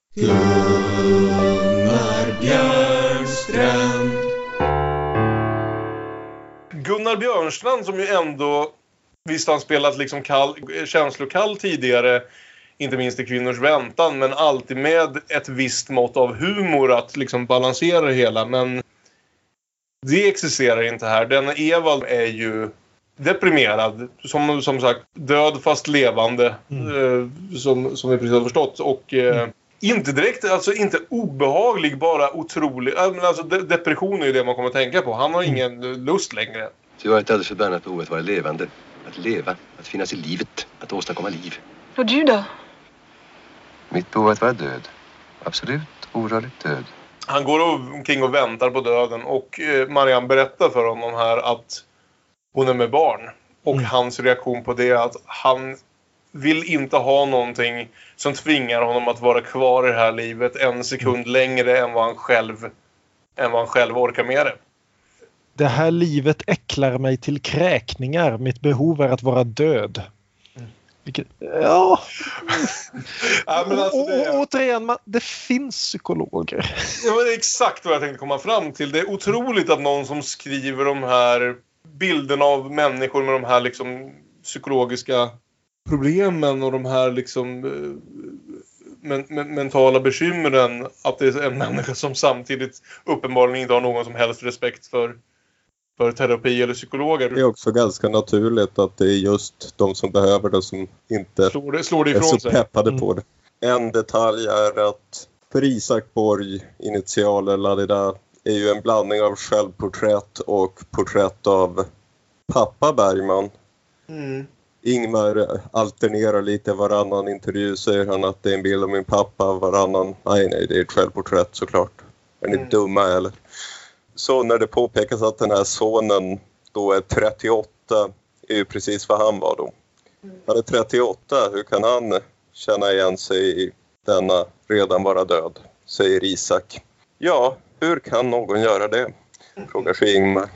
Mm. Och så nu får vi liksom hela bilden av varför Marianne har kommit för att bo med honom och så vidare. Vi har inte talat sådär väldigt detaljerat om Ingrid Thulin här än, men hon är, hon är strålande hela vägen genom filmen. Återigen, egentligen vid det här laget, lättare att bara peka ut när någon inte är strålande i en Bergman-film, men eh, hon gör ju ett starkt intryck här känner jag. Till och Särskilt med kanske för- Hjälmenstam är bra i den här. Ja, men kanske framförallt liksom i den här scenen känner jag, i den här tillbakablicken med, med Gunnar. Men vi kan ju nämna det här också att medan de pratar så har ju bilen faktiskt stannat för ungarna är ute och ska plocka blommor till Isak som ska promoveras idag. Och det de säger när de kommer tillbaka med blommorna det är att du är en mycket klok och vis farbror som lärt sig allt om livet och kan hela bruksanvisningen utan till. Och direkt så slår Gunnar Fischer över till en enda spotlight och resten kolsvart. Ja, och det, det är så är- himla snyggt. Ja, det är fruktansvärt stiligt gjort. Det är så här så jag nästan funderar över hur de ens gjorde det bokstavligt Ja. Alltså, det är- verkligen. Jag- begriper inte hur det gick till men det, ja. Ja. Nej, det är otro, otroligt ögonblick. Som sagt, Jag, jag, jag, tror ganska- jag tror de måste ha vältajmat väldigt väl med en väldigt stark spotlight och väldigt liksom ljus, ljusinställning i kameran. För det, Det ja. är skitsnyggt gjort. Det är samma grej som han gjorde ganska mycket men under lättare omständigheter. Också med Viktor Sjöström i Till glädje. Det Mm. finns en hel del scener av bara Viktor Sjöström som dirigenten där då upplyst mot kolsvart bakgrund. Mm. Eh, så det är intressant att han just för den här skådespelaren väljer det, väljer det, det rent visuella motivet flera gånger i flera olika filmer. Totalt utelämnad, helt ensam. Mm. Och det är så fint just för, tror jag, för att det kommer på en replik som levereras så pass lättsamt, nästan mer Ja. som ett skämt liksom. Och det är ändå nästan det som slår hår, hårdast an på honom, nu när han Ja. precis har dels knäckts av den här mardrömmen slash minnet och dels av insikten om hur, hur dåligt hans son faktiskt mår. Ja, men, men också samtidigt att det här som han förutspådde tidigare att ungdomarna bara behandlar honom med ironi, det finns inte här. Nej. De är, de är fullständigt ärliga. Och även, visst, de är naiva och de tar för givet att bara för att han är gammal och doktor så vet han en massa saker. Så är, Mm, mm. Liksom, är du gammal så är du vis. Mm. Väldigt lätt att ta för givet, liksom, inte minst i historieberättande.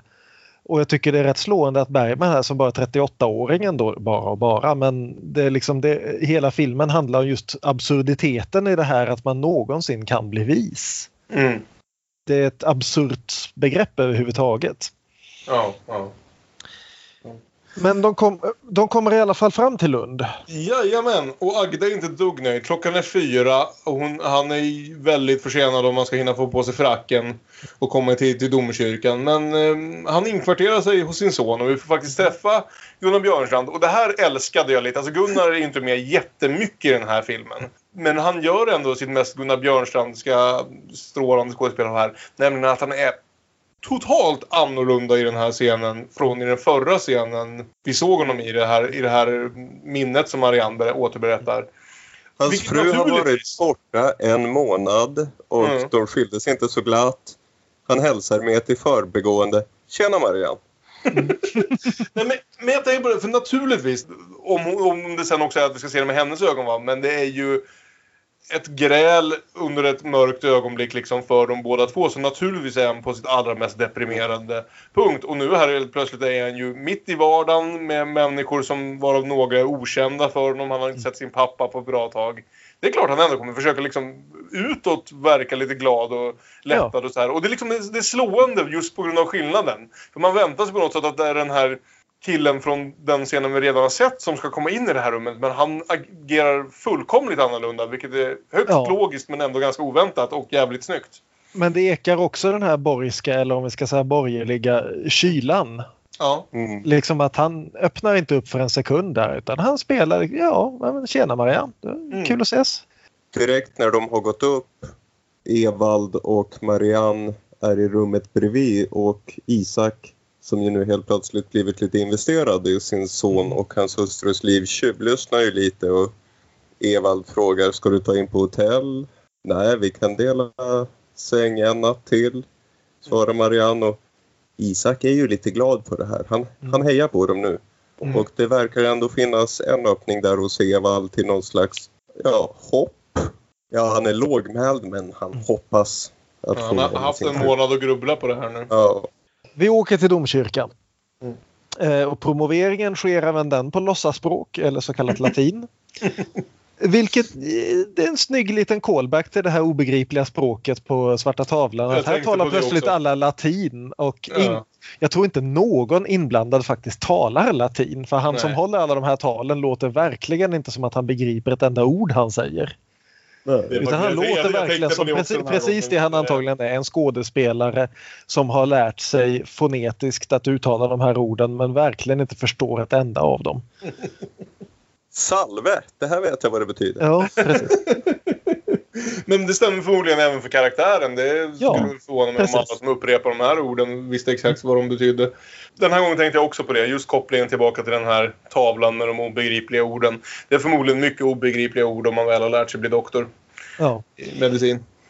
Jag ertappar mig med att mitt under ceremonin i tankarna återvända till dagens händelser. Och det var nu jag beslöt att försöka dra mig till minnes och nedskriva allt som hänt. Jag tyckte att i denna slumpvis hoptrasslade händelsekedja skymtade en högst märkvärdig kausalitet. Just det där viss kausalitet tyckte jag. Jag vet inte, Ja, det stannar alltid med mig.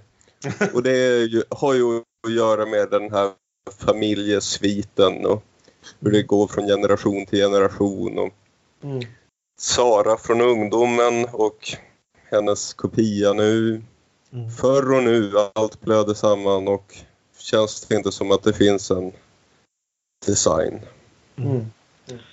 Så på kvällen så Isak är väldigt trött och ska gå och lägga sig medan hans son och dennes hustru ska gå på festen för de nyblivna jubeldoktorerna.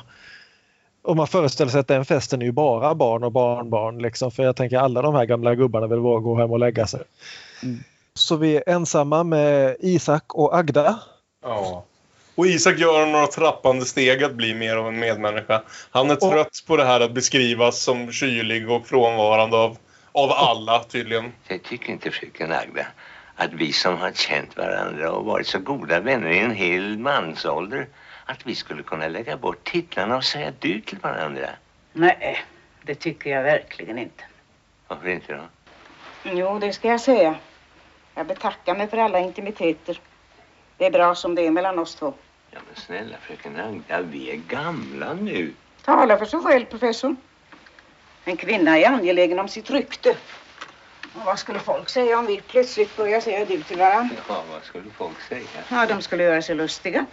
Det är så fruktansvärt bra. Jag älskar just att hon vill inte att, om, att några ska springa runt och skvallra om att de har blivit alldeles för bekanta med varandra efter Men att ha sen- bott tillsammans sen- 30 år. Men sen samtidigt i slutet på det Mm. så ler hon mot honom och säger jag ställer dörren på glänt. Professorn vet var jag finns om det skulle vara något. Ja. Ja, det var lite lösaktigt. Ja, precis. Det, då får man verkligen, vad har de för förhållande till varandra egentligen? Jag undrar jag också. Vi behöver ändå betänka att han har varit enkeman i de här, ja, i 30 år. Precis lika Ja. länge som hon säger att hon har varit med honom. Jo, precis. Så, hon ä- säger ju också är- i början av filmen att hon, hon tackar Gud varje kväll för att de inte är gifta med varandra. Är den där lämna dörren på glänt-repliken är inte helt kysk. Nej. Det, det tror jag vi alla är överens om. Ja. Sen innan han går och lägger sig så hör han sång utifrån. Och där står ju ungdomarna med gitarr och trestämmig sång Jo. och berättar att de ska vidare mot Hamburg och de vill bara tacka för liften och ly- önska lycka till. Någon av Sarorna säger att hon älskar Isak. Adjö, fader Isak. Förstår du att det är dig jag älskar? Idag, imorgon och alla dagar. Det ska jag komma ihåg. Oklart vilken. Ja, precis. Jag tycker det är kul att ändå, vad ska jag säga, en halvgammal gubbe som Bergman är vid det här laget verkar ha en så pass positiv bild på den kommande generationen. För det traditionella hos surgubbar, oavsett om de är regissörer eller författare eller annat, det är ju äh, att se på den nästkommande generationen som det värsta som har hänt och allting går ner för att vara bättre på pappas tid. Det är inte alls den bilden jag får av de här filmerna som man gör här under 50-talet han har en väldig förtjusning för, för det som komma skall, eller liksom de här människorna. Han har nästan vågat säga en, en tro på den kommande generationen. Ja. En av de, tänker jag, liksom en av de sorgligaste ögonblicken här i slutet som ju ändå är liksom relativt uppåt slut. Mm. Efter att de har gått så tittar han ut i mörkret och säger hör av er någon gång. Jaha. Ja, han upprepar ju den repliken. Säger han inte något liknande till Max von Sydow också? Ja, hör av er om ni vill att jag ska komma och bli fadder till barnet. Ja, Ja, just det, något sånt. Ja, ja, Alla de vet- här och- människorna som han liksom känner på sig att nej, han kommer aldrig att träffa dem igen. Nej. Precis. Det säger ju också hans mamma. Säger att förmodligen kommer inte de att hinna ses något mer för han verkar inte vara där särskilt ofta. Nej. Så äh, det finns en viss känsla åt alla de här människorna som man möter under dagen, i alla fall de flesta av dem. Och som får honom att tänka, tänka om sitt liv lite grann. Förmodligen är det sista gången han träffar många av dem. Så eh, han går och lägger sig och plötsligt så ramlar Evald och Marianne in på nytt för hon hade haft sönder en sko och de måste snabbt hem och byta. Så han får äntligen prata med sin son lite grann ändå. När de bara är på tu man hand utan en massa människor att hålla upp fasaden inför. Mm. Man får känslan att det här är liksom mest öppenhjärtig han någonsin har varit med sin son. Att han undrar hur det står till med honom och hans fru och att han verkligen vill att det ska gå bra för dem. Jag vill fråga dig hur det ska bli mellan dig och Marianne. Ja, förlåt att jag frågar. Jag vet ingenting. Jag vet henne stanna hos mig. Ja, ja, men bör ni inte, jag, jag menar... Jag kan inte vara utan henne. Menar du ensam? Jag kan inte vara utan henne. Det är det jag menar. I en film så mycket om ensamhet och att inte bry sig. Så Evald har i alla fall en person som verkligen han bryr sig om. Som bryter igenom den här isborgen. Mm. Vågar man hoppas lite på Evalds framtid där? Jag tror kanske det. Jag tror kanske att han ändå låter sig hållas kvar som sagt. Han vill inte ha någonting som höll honom kvar i det här livet en sekund längre. Men det kanske visar att det inte bara är barnet utan även, även Marianne. Som har ma- makten att göra det. Ja, för han försöker ju här också avskriva den här skulden. Och e- Evald låter inte ens honom tala till punkt utan jag ska betala av skulden. Mm. De är principfasta de här borgmännen. Ja, precis. Fortfarande. Eh, Men det, men det är ju fint, det är ju hans försök där som betyder någonting. Det är det som visar oss att han har förändrats från, från den man han var bara, inte, inte förr utan bara i morse. En mardröm kan göra sån skillnad.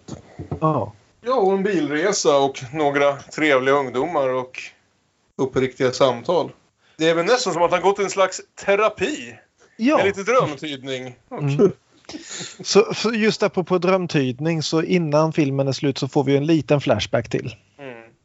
Vi återvänder till smultronstället men som, som sekelskiftes-Sara säger, det finns inga smultron kvar nu längre. Nej, precis. Min, minnena är liksom uttömda nu. Och istället, istället så ska hon visa honom vart hans föräldrar har tagit vägen.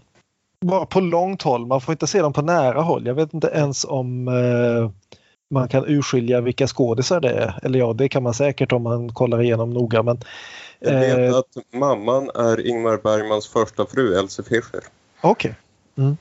Så de sitter där borta och tittar åt hans håll och vinkar och ler. Mm. Och där somnar han och filmen är slut. Mm. Somnar? Frågetecken. Jag tänker alltid på slutet som att han dör. Jag säger inte att han gör det. För det finns ingen fysisk orsak till att han skulle göra det riktigt. Men, Nej. och i och för sig, det är väl en, kanske just att jag fastnar med den här klassiska bilden av dina föräldrar välkomnar dig till vad som än kommer härnäst. I sådana fall då mer ett tecken på, på att det finns en gud. Ja. I alla fall i slutändan. Att det är där vi landar i diskussionen mellan de två ynglingarna. Jag säger inte att det är en felaktig tolkning men jag tolkar den inte så utan jag Nej. tror det, det är helt enkelt han näst, imorgon ska han på något vis behöva ta sig upp och Mm. kanske stanna någon extra dag men sen köra hem till Stockholm igen för han måste ju ha hem bilskrället också. Ja, jo, det är sant. Får se om Agda hänger med på den här Mm. återvändotrippen. Det vill säga Smultronstället 2, vägen tillbaka med Agda. det fördes till slutet på Smultronstället och i- alltså, jag tror vi kanske... Det vore intressant sen när vi som sagt gör lite topp 10-listor på slutet och så här och se hur väl våra listor över de bästa filmerna om man, om man ställer upp det med en lista över de längsta avsnitten. För vi har ju onekligen blivit lite mer ingående i våra diskussioner och det faller sig väl ganska naturligt när det helt enkelt finns mer att prata om kring de här filmerna. Jag, jag älskar den här filmen. Det är en av mina absoluta favoriter. Det var trevligt att återvända till den. Eh, och som alltid, jag uppskattar den än mer nu efter, efter diskussionen vi precis har haft. Har ni några, några vad heter det, ord för att knyta ihop säcken kring, kring smultronstället innan vi går vidare? Ja, om vi bara hade kunnat göra oss av med de där förbannade tvillingarna. Du finner dem så frustrerande. Det är de jag tänker på Nej, egentligen inte. Men men eh, de är jag alltid- störde mig väldigt på dem den här gången. Jo, nej, men jag tycker det är, det är intressant ändå liksom hur liksom filmen har någonstans, eller den känns som att den har en väldigt tydlig ark.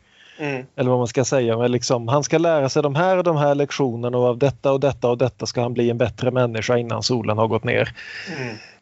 Samtidigt så är det en väldigt otydlighet i hur pass mycket som faktiskt förändrar sig. Mm. Han har inte lappat ihop, liksom, visserligen så lappar han ihop sitt förhållande med Marianne ganska bra och de liksom slutar som vänner. Mm. Men eh, det är ju inte så att han liksom har vänt på hela sitt liv på de här 24 timmarna. Nej. Utan han är, han är fortfarande den gubbe han var och Mm. den självinsikt han kanske har fått har inte liksom förlöst honom. Den har förlöst honom men den har inte förvandlat honom. Nej, det här är dagen han får insikt i sig själv om hur han skulle behöva förändras för att inte längre uppfattas som den här personen som han inte längre vill vara. Men vi vet ju alla att nästa steg då skulle vara att ta den här insikten och omvandla den till handling. Vilket eh, mö- om möjligt den, det svårare steget och det vi inte riktigt hinner se. Det vi hinner se är ju som sagt det här försöket till ett öppenhjärtligt samtal med sin son. Mm. Det är verkligen en formtopp det här på något sätt. Det är, utan att säga att det är hans enda. Men visst, eh, Han har ju oförskämt många formtoppar. ja. Men, eh, men det här är definitivt något i hästväg. De Verkligen. senaste tre, tre filmerna vi pratat om. Jag kommer inte ihåg om jag bara tänkte det här sista när vi tog upp det just det här med en, hur många regissörer har egentligen lyckats göra tre filmer på raken som är av den kalibern som liksom Sommarnattens leende, Det sjunde inseglet och sen Smultronstället är. Det kan inte vara så väldigt vanligt i filmhistorien. Serenity, The Avengers, Much Ado About Nothing. Jag tänkte en stund på 2001 Clockwork Barry Lyndon, men... Eh, så bra är de inte. jo, det tycker jag väl. Dels att Bad de är, taste, brain dead. Lite Feebles. Men samtidigt också gjort då på två, två år till skillnad från Kubrick som behövde decennium för att få ut sig de där tre. Mm. Ja, eh, ja, ja, men med allt det sagt, mycket sagt om Smultronstället här ikväll, så för vi oss fram till vår avslutande lek som heter Aron. Dubbelbull, dubbelspel, parhäst, filmfest. Vi kan väl börja hos Björn ikväll. Vad har du för film som du tematiskt vill slå ihop och se på samma kväll som Smultronstället? Ja, det, det är svårt att inte gå till uppenbara val med den här filmen känner jag för den är så väldigt, liksom den har sina så väldigt tydliga teman som utan att liksom någon har gjort en rak eh, cover på den så har, eller remake ska man väl säga, men så det, det, det, man, man ser liksom den här filmens DNA i väldigt många andra filmer Mm, mm. som eh, ligger i samma ballpark.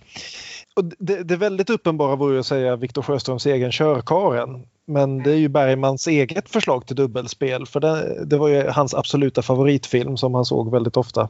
Jag ska inte säga hans absoluta favoritfilm för det vet jag inte men han säger i alla fall att det är en av hans favoritfilmer.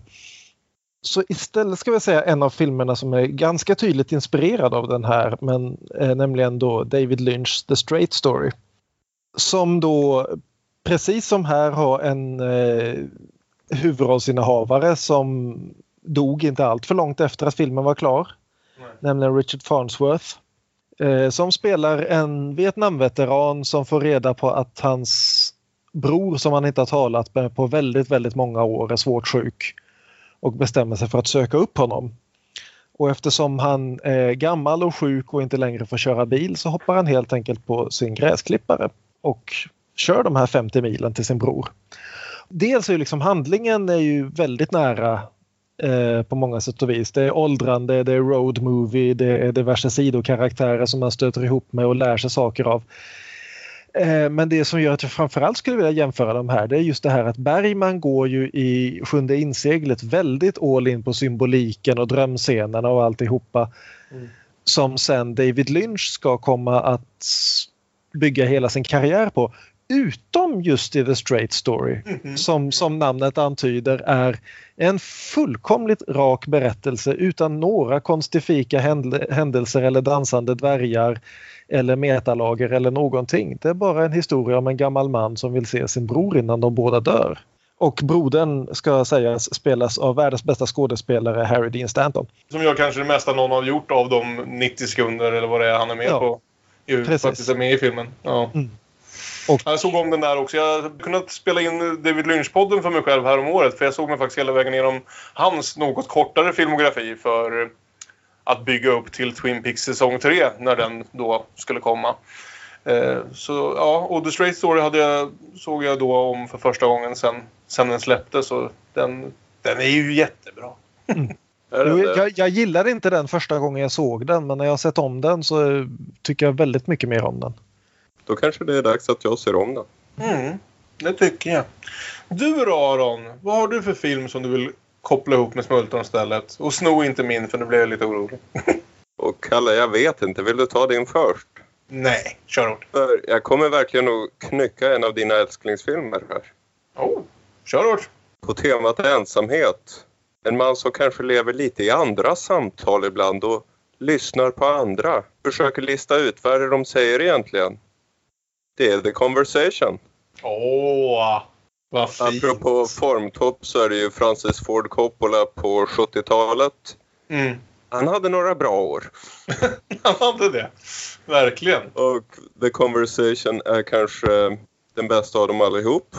Ja, vem vet om det var den bästa av allihop. Det kanske var att säga mycket. Nej, är, jag tycker det är den bästa av allihop. Eller för att använda ett Bergmans uttryck, det är den av de han, filmer han gjorde på 70-talet som är mig kärast. Ja. Gene Hackman är en avlyssnare och en vansinnigt ensam människa. Mm. Så det är mitt val. Det blir nog en deppig dubbelbull. Det blir ju Om man vill fokusera på de här mindre varma delarna av sommarstället. Smultronstället.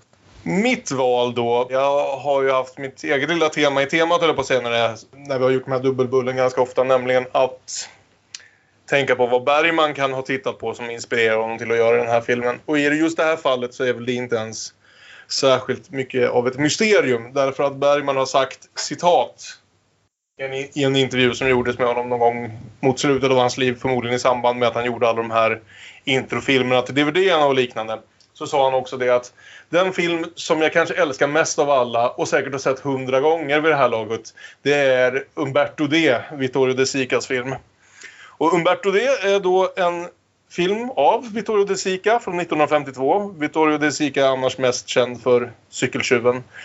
Eh, om en gammal man som upplever en enorm ensamhet när alla han egentligen känner har gått åt i, i efterkrigstidens Italien.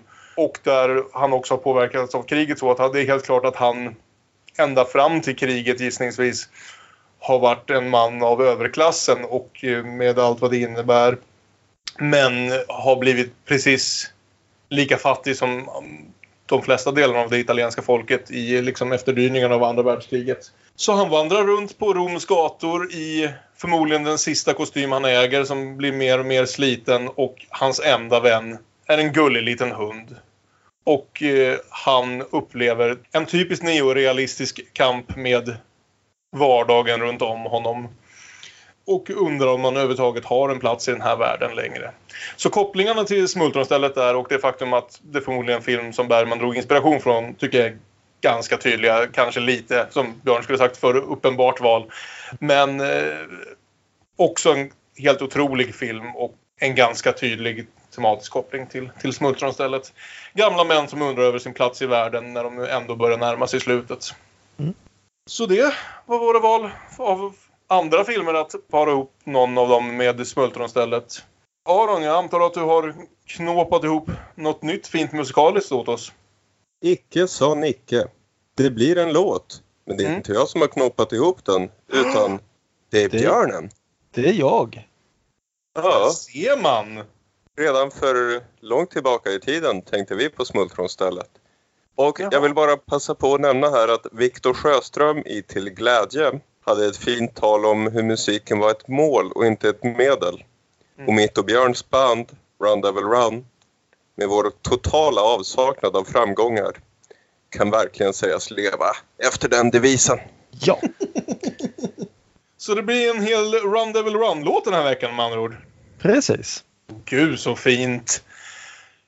Vi avslutar med den fina låten från Run Devil Run och som alltid kan ni nå oss på sociala medier. Vi är at Damonpodden på Twitter och på Instagram. Man kan söka på Damonpodden med Ä på Facebook. Man kan mejla oss på damonpodden gmail.com. Och så hoppas vi att ni har tyckt den här ganska djuplodande diskussionen av Smultronstället som ju i alla fall blev längre än vad själva filmen är. Har varit en njutbar upplevelse. Och att vi hörs igen nästa vecka. Hej då! Hej då! Hej då!